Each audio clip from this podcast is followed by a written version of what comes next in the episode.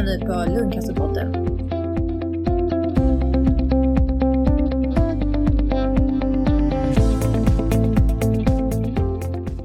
Hej och välkomna till Lungcancerpodden. Det här är vårt sista avsnitt för i år. Detta konstiga och jobbiga år som präglats av Corona och i vår förening flera tunga dödsfall. Bland annat min poddkollega Jan som jag saknar så väldigt. Det är sorgligt och tungt men vi får inte ge upp. Lungcancerföreningen har satt två viktiga mål som är värda att kämpa för och det är tidig upptäckt och en snabbare vårdkedja. Allt för att fler ska kunna bli botade eller leva längre. Och idag har vi besök av Lena Eriksson som är patient och som har haft lungcancer sedan 2017. Och vi kör digitalt idag också eftersom Lena bor i Småland. Välkommen hit Lena! Vem är du?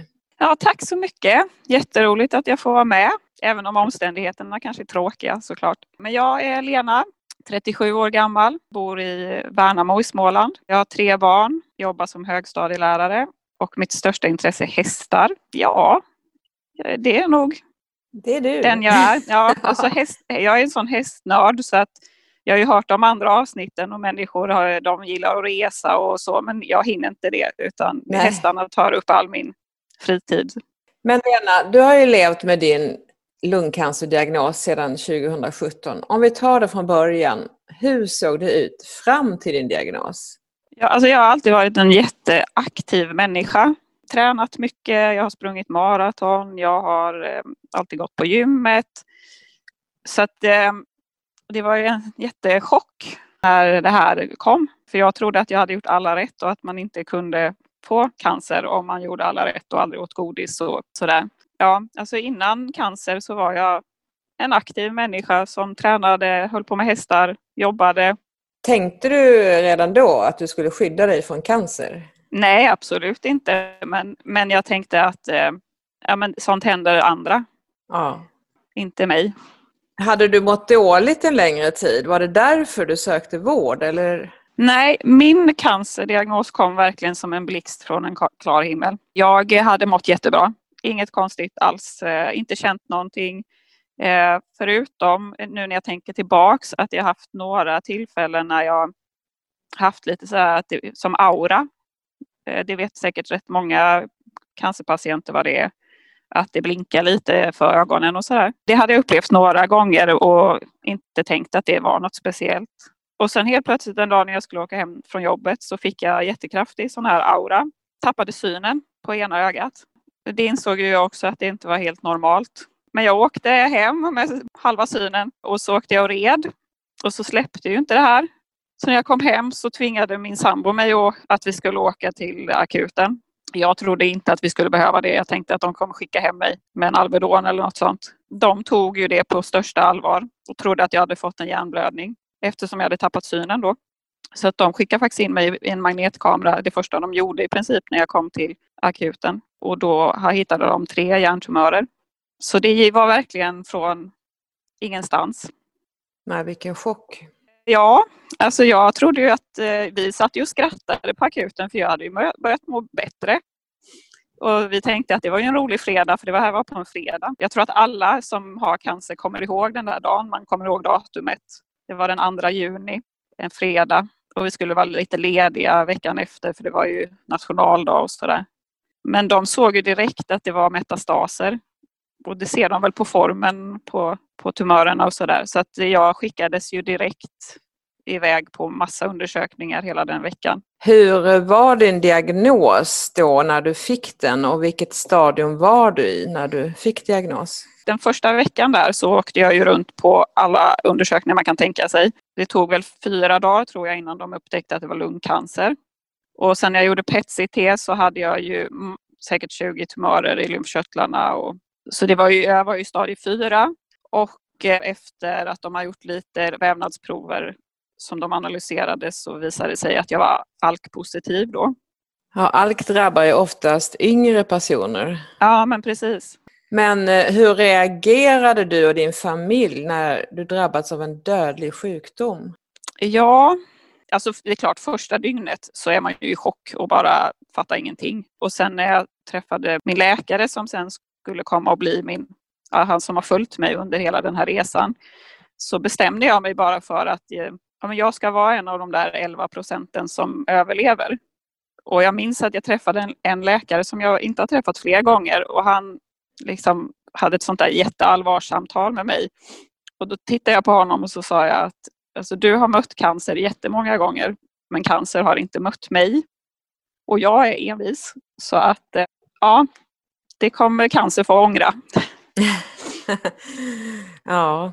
Och jag tror att jag bara bestämde mig för att jag skulle ha den inställningen att det får liksom inte det är inte så att jag förnekat att, det, att jag är sjuk, men att jag tänker inte ge upp. Jag tänker inte låta det ta för stor plats i mitt liv. Liksom. Nej, det är en fantastisk inställning, men du har ju man och barn och befinner dig mitt i livet, du har heltidsjobb och ditt stora hästintresse.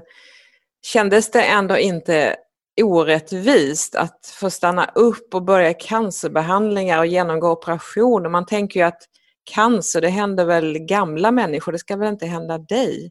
Alltså orättvisan har jag nog aldrig upplevt, för jag menar det skulle ju innebära att jag skulle tycka att någon annan förtjänade det mer. Liksom. Jag önskar ingen att det här skulle hända. Sen är det klart att det här var inte vad jag hade räknat med.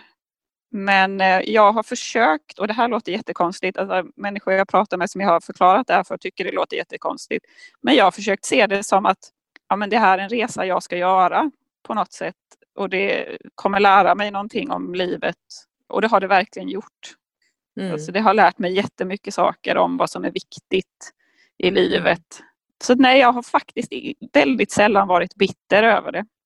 Utan mer bara, ja men man får gilla läget lite. Mm. Tänker du någon gång på orsaken till varför du fick lungcancer? Har du rökt till exempel? Jag rökte ju när jag var ung. Och det är klart att jag tänker på det ibland. Att är det därför jag fick lungcancer? Men sen vet vi ju att alkpositiv cancer oftast drabbar de som inte har rökt. Så nej, jag försöker inte tänka så mycket på att jag har orsakat det själv. Man ska inte skuldbelägga sig. Nej, precis. Vilka behandlingar har du genomgått då, genom de här åren? Ja, jag är ju inne på min fjärde alkhemmare, alltså medicin kan man väl säga att det är. För jag har testat flera olika. Den första tog faktiskt eh, metastaser ganska bra, men jag blev sjuk av den och fick eh, jätteproblem med min lever och så. De andra har inte bitit så bra, så att jag har fått byta ut medicin. Jag har opererat eh, bort en lunglob på, i min högra lunga där huvudtumören satt. Ursäkta för bara avbryta. När du var i stadium 4, kan man operera? Det har jag hört att man inte kan. Egentligen inte. De hade inte tänkt det från början. Men eftersom den första medicinen tog så bra så bestämde man sig för att man skulle göra det i alla fall. De gjorde det ändå. Men cancern stoppades inte av det? Nej, den gjorde ju inte det. Så att eh, mina metastaser i hjärnan har ju fortsatt bli fler och de eh, växer och sådär. Så att jag har opererat bort en metastas i hjärnan. Det gjorde jag förra året i augusti. Och sen för ungefär, vad är det, sex veckor sedan tror jag, så opererades jag igen. De öppnade skallen igen på mig eh, för att ta vävnadsprover på hjärnmetastaser då. Och sen har jag strålbehandlats fem gånger i hjärnan eh, jag har både gjort gammal kniv och stereotaktisk strålning. Och det är väl det jag har gjort tror jag. Det är inte så lite heller. Du har gjort eh, de stora operationerna och hur känns det att operera hjärnan? Alltså det är ju, världen är ju ganska upp och ner efteråt. Det är precis som att all, speciellt syn och hörs, alla, alla Eh, vad ska jag säga, alla intryck, synintryck, hörsel, eh, lukt och så. Det är precis som hjärnan måste lära om sig det när man har öppnat den. Så att man går ju runt i någon slags här konstig film, Tim Burton-värld liksom, i några veckor efteråt. Okay. Uh, Bara rädslan att de ska träffa fel liksom? Ja, gud ja. När jag gjorde min sista nu så, för jag har ju Efter min första operation så förlorade jag ju synen till vänster eftersom de tog en tumör då som satt på högersidan i hjärnan. Så att jag, ser, jag har bara 50 synfält. Okej, kommer det vara så? Eller? Det kommer nog vara så. Det är ingen som vet riktigt för ibland kan ju synapserna hitta tillbaks och sådär.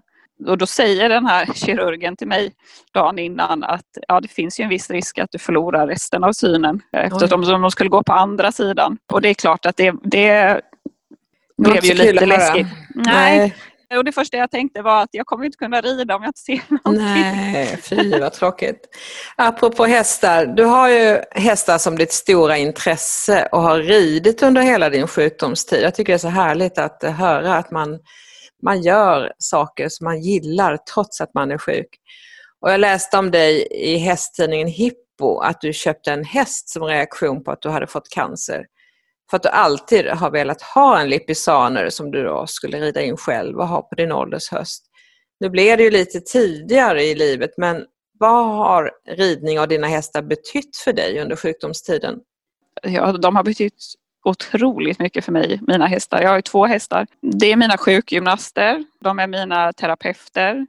Jag har ju gått i lite terapi eh, som man har blivit erbjuden av vården men men ingenting har varit bättre än att vara i stallet och vara med hästarna. De har betytt allt, eller inte allt såklart, för jag har ju en fantastisk familj också som stöttar mig. Men de har varit väldigt viktiga. Jag tror de är lika viktiga som alla mediciner och läkarbesök och operationer för att jag ska vara pigg och hålla mig vid liv. Och jag tror det är de som gör att jag liksom men att jag orkar. Är det, är det hästarnas personlighet eller är det själva grejen att rida och hålla sig igång?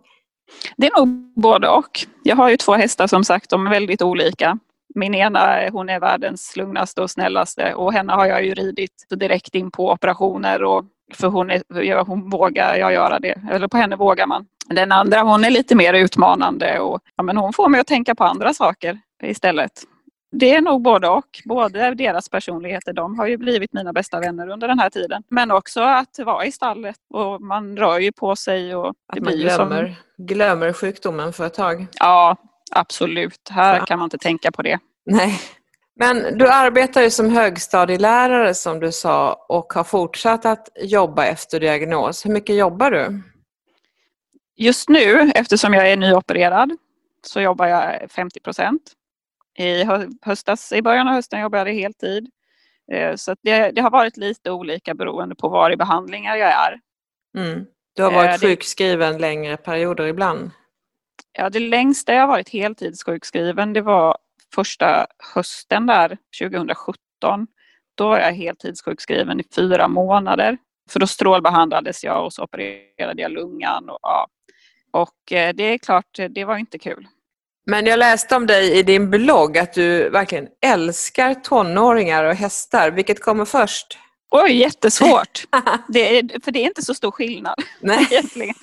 Vad härligt.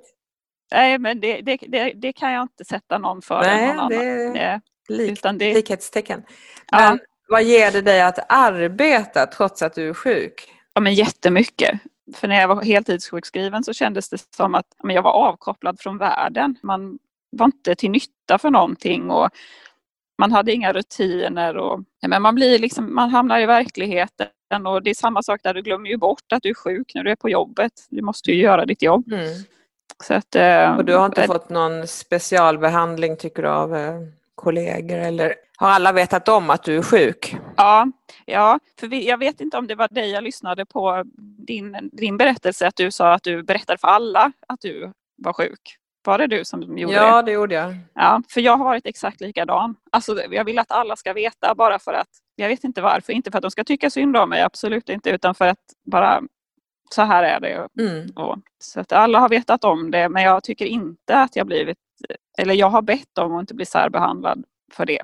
Ja, men man vill ju vara en vanlig människa, det är liksom det högsta. Ja, precis. Önskan.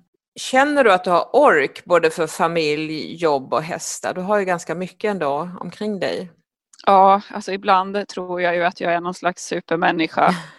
Du kallar väl eh. dig för superwoman eller vad kallar du dig för?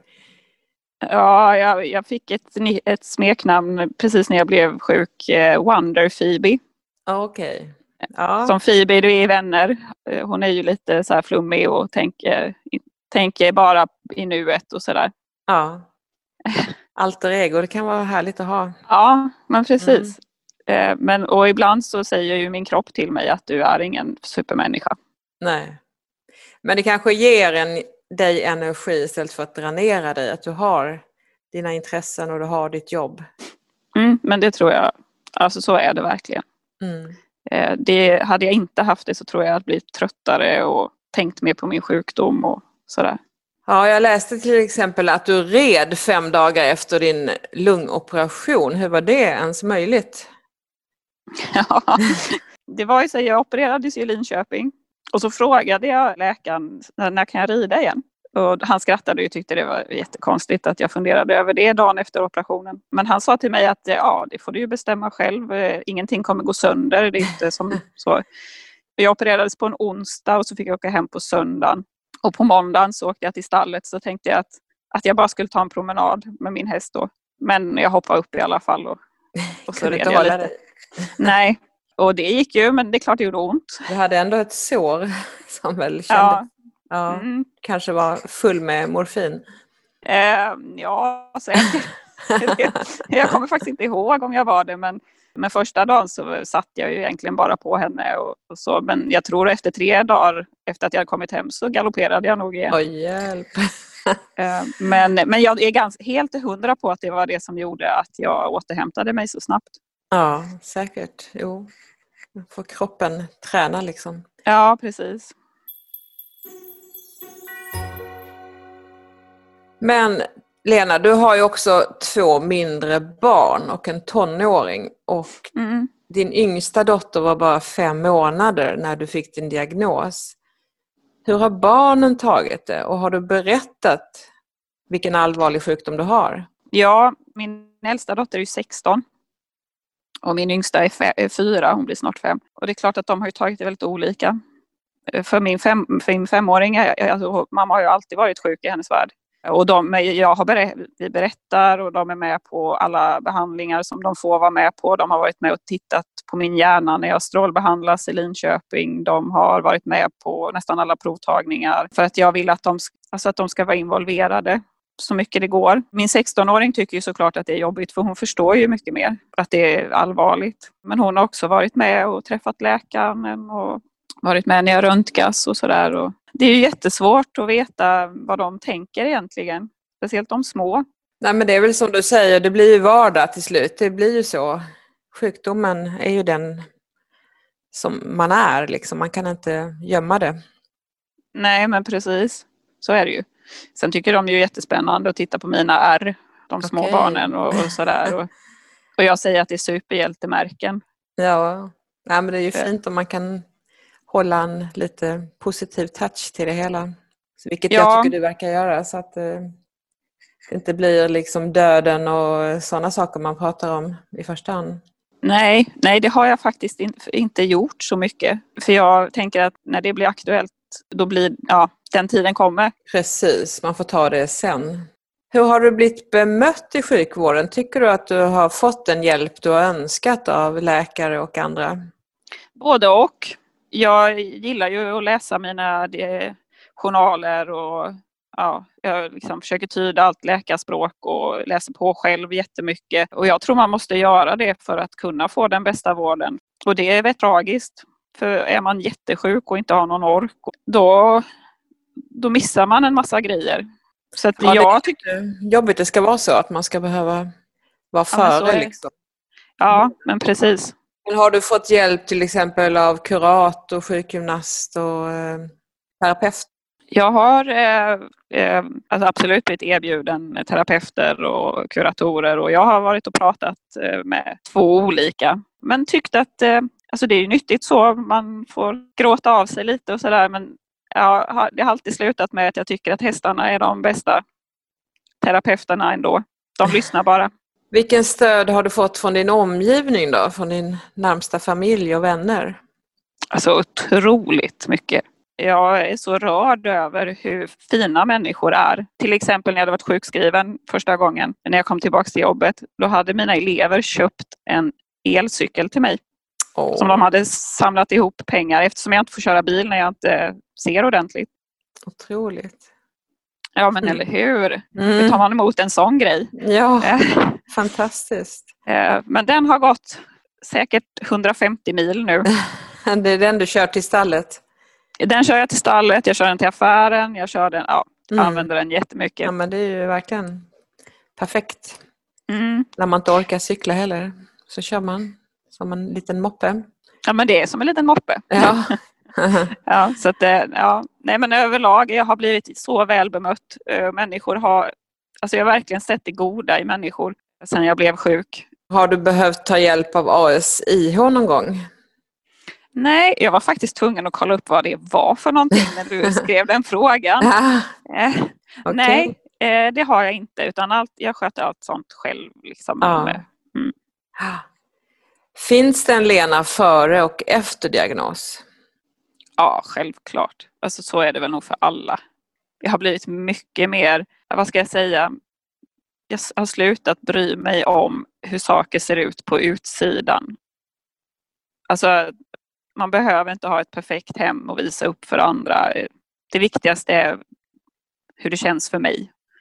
Jag behöver inte bevisa någonting för någon annan. Mitt liv är ju till för mig och de runt omkring mig. De är, inte- det är inte till för att liksom se bra ut på utsidan för någon annan. Nej, verkligen inte. Sådana insikter önskar man ju att man hade haft tidigare men eh, det är märkligt att det ska behövas en sjukdom för det.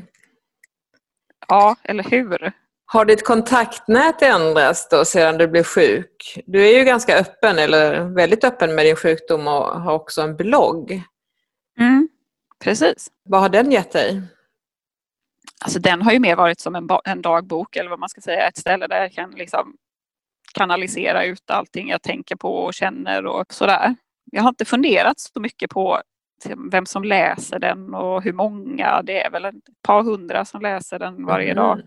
Men eh, några har ju hört av sig och, och, jag har fått mycket positiv feedback från läsare och det är spännande när någon uppe i Umeå sitter och läser ens blogg som man inte har någon aning om vem det är och man Jaha. funderar på hur, de, hur kom de i kontakt med den och sådär. Men Jag tänkte väl kanske många av dina elever och ja, de läser. ja, De läser kollegor. och en del kollegor och ja, precis. Det är ett bra sätt också att få berätta om saker så att de vet liksom vad som händer Ja. med dig.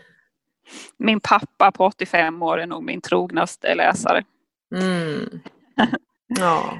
Så Men Ja. känner du att vänner har försvunnit genom den här perioden? Nej, faktiskt inte. Jag trodde nog att många skulle tycka att det var jobbigt och liksom inte vilja höra av sig, men absolut inte. Eh, Det är snarare jag som måste sortera lite och fundera över vilka vänner det är, är viktiga att jag ska hålla kvar vid. Och, och det är ju svårt, för man vill ju liksom ha kvar alla. Jo, men man orkar ju inte ha nära kontakt med hur många som helst. Men, men nej, jag upplever inte att vänner har försvunnit, snarare tvärtom. Att en del har dykt upp som, som man hade tappat kontakten med innan. Ja, nej, det är otroligt vad som händer. Har du kontakt med Lungcancerföreningen eller andra nätverk för personer med cancer? Jag ah, är inte jättemycket i kontakt med Lungcancerföreningen. Det var ju när du hörde av dig till mig som jag började, började kolla vad är det för någonting. Jag började lyssna Vad på är det för förening? Ja, men de började lyssna på podden och Ja, jag lyssnade på nästan bra. alla avsnitt och eh, så här på den här ganska korta tiden då. Eh, Men sen har jag ju varit, har varit med i lite olika Facebookgrupper, bland annat ändå för eh, ALK-positiva. Och där har jag lärt känna lite människor som jag har kontakt med via sociala medier, där man kan prata om, ja, Mm. om cancer liksom och om Mm. mediciner och behandlingar och så. Ja, det är ju oerhört. Ja, man kan få eh, mycket information genom att vara med i sådana här grupper. Absolut. Och man delar ju mycket med varandra, länkar och forskning och sådär. Sånt som man inte kan prata med vem som helst, tycker man kanske. Ja, men framförallt tänker man att vem skulle vara intresserad? Nej, älta det här. Ja, precis. Men ser din vardag annorlunda ut jämfört med innan? Oj. Alltså egentligen inte så mycket. Det enda som har ändrat sig det är att jag måste måste vila middag. Jag måste sova mitt på dagen en liten stund varje dag. För jag blir ju trött såklart av mediciner och att jag har opererats i hjärnan flera gånger och strålbehandlats. Min hjärna blir ju trött på ett annat sätt än vad den blev innan. Men det är nog det enda. Alltså jag kör ju på, jag rider två hästar nästan varje dag och jag jobbar och jag är med mina barn. Nej, det har inte ändrats sådär jättemycket. Nej, allting finns kvar runt omkring dig.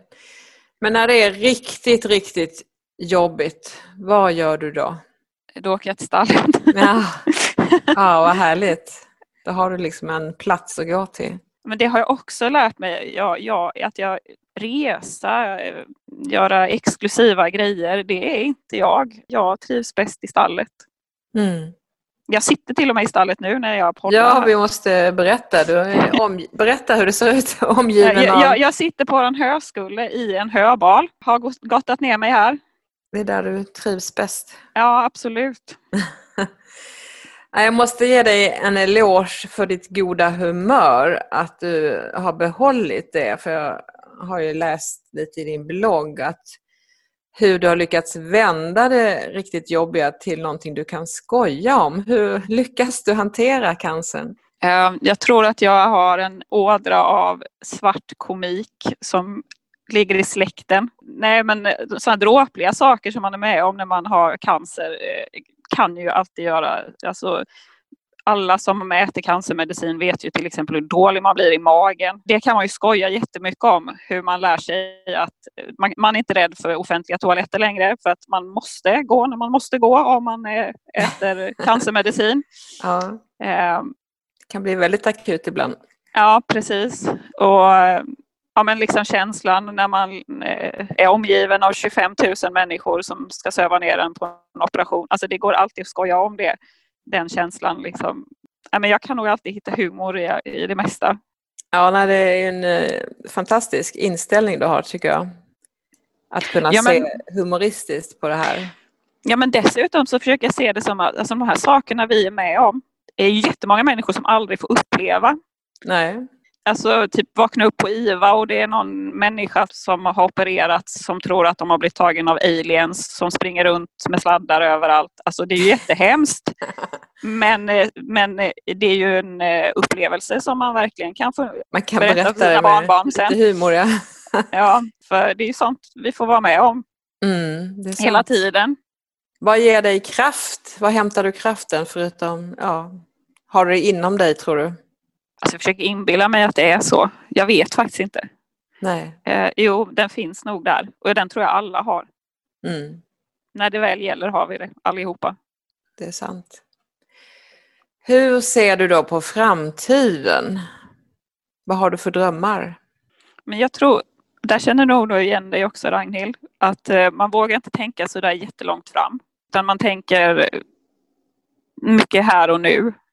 Att liksom så länge jag vaknar idag och det känns bra och kroppen känns okej okay, så lever jag idag. Och så får vi se vad som händer imorgon. Ingenting är givet. Nej. Um, nej, jag tänker inte jättemycket på framtiden. Du har inte någon bucket list vad du ska hinna med och så vidare? Jag skulle väldigt gärna vilja åka till Nya Zeeland. Det är, det är väl det som är kvar. Eh, och ja. nu är det ju coronatider och sådär. Så att, ja, eh, det, skulle vara Ja, men det skulle vara en fantastisk bonus om jag fick göra det. Men jag tänker på med barnen så, du tänker väl att du ska få vara med om deras ja, gud, ja. och studenter gud, ja. och allt? Det tänker jag jättemycket på. Det är nog den största sorgen tror jag. Alltså när, som, när man börjar känna så det, att det är jobbigt, det är ju när man tänker på att man kanske inte får vara med. Men sen så försöker jag tänka att eh, forskningen går framåt så himla mycket orkar man klänga sig fast lite till mm. så, så kommer det nya preparat. Så det, ja, precis. Ja, så tänker jag också. Det gäller inte att ge upp utan hänga sig kvar som du säger. Ja, ja men jag klamrar mig fast. Ja. Envist. Ja, det är härligt. Till sist, vad har du för råd till andra som just har fått sin diagnos? Ja, den frågan är också jättesvår.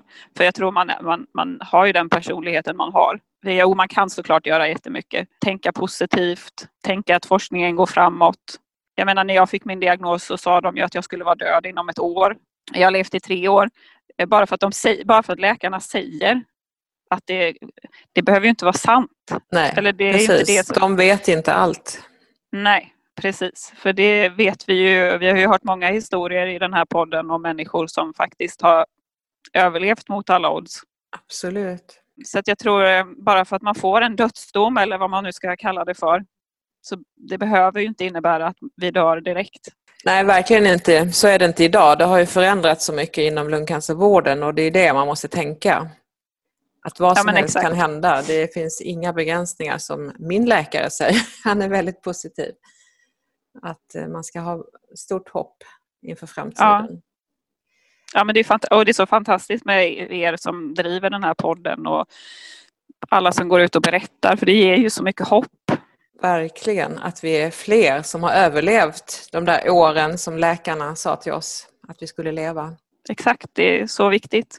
Stort tack till dig Lena. Det känns otroligt positivt att ha fått intervjua dig och att du har sån hoppfull syn på livet trots din svåra sjukdom.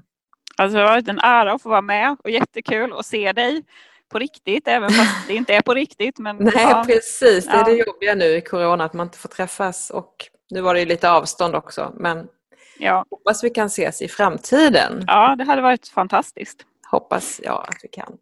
Mm. Och tack till Taylor för inspelning även denna gång. Då stänger vi butiken för i år. Jag önskar alla lyssnare en riktigt god jul och ett gott nytt år. Och på återhörande 2021. Och glöm inte att du kan kommentera avsnittet på lungcancerpodden.se. Det är så hemskt kul om ni skriver någonting om avsnittet och dessutom kan ni ge tips på nya avsnitt som vi kan göra. Men hej då Lena och stort tack för idag. Ja, tack så mycket själv. Hej då. Hej då.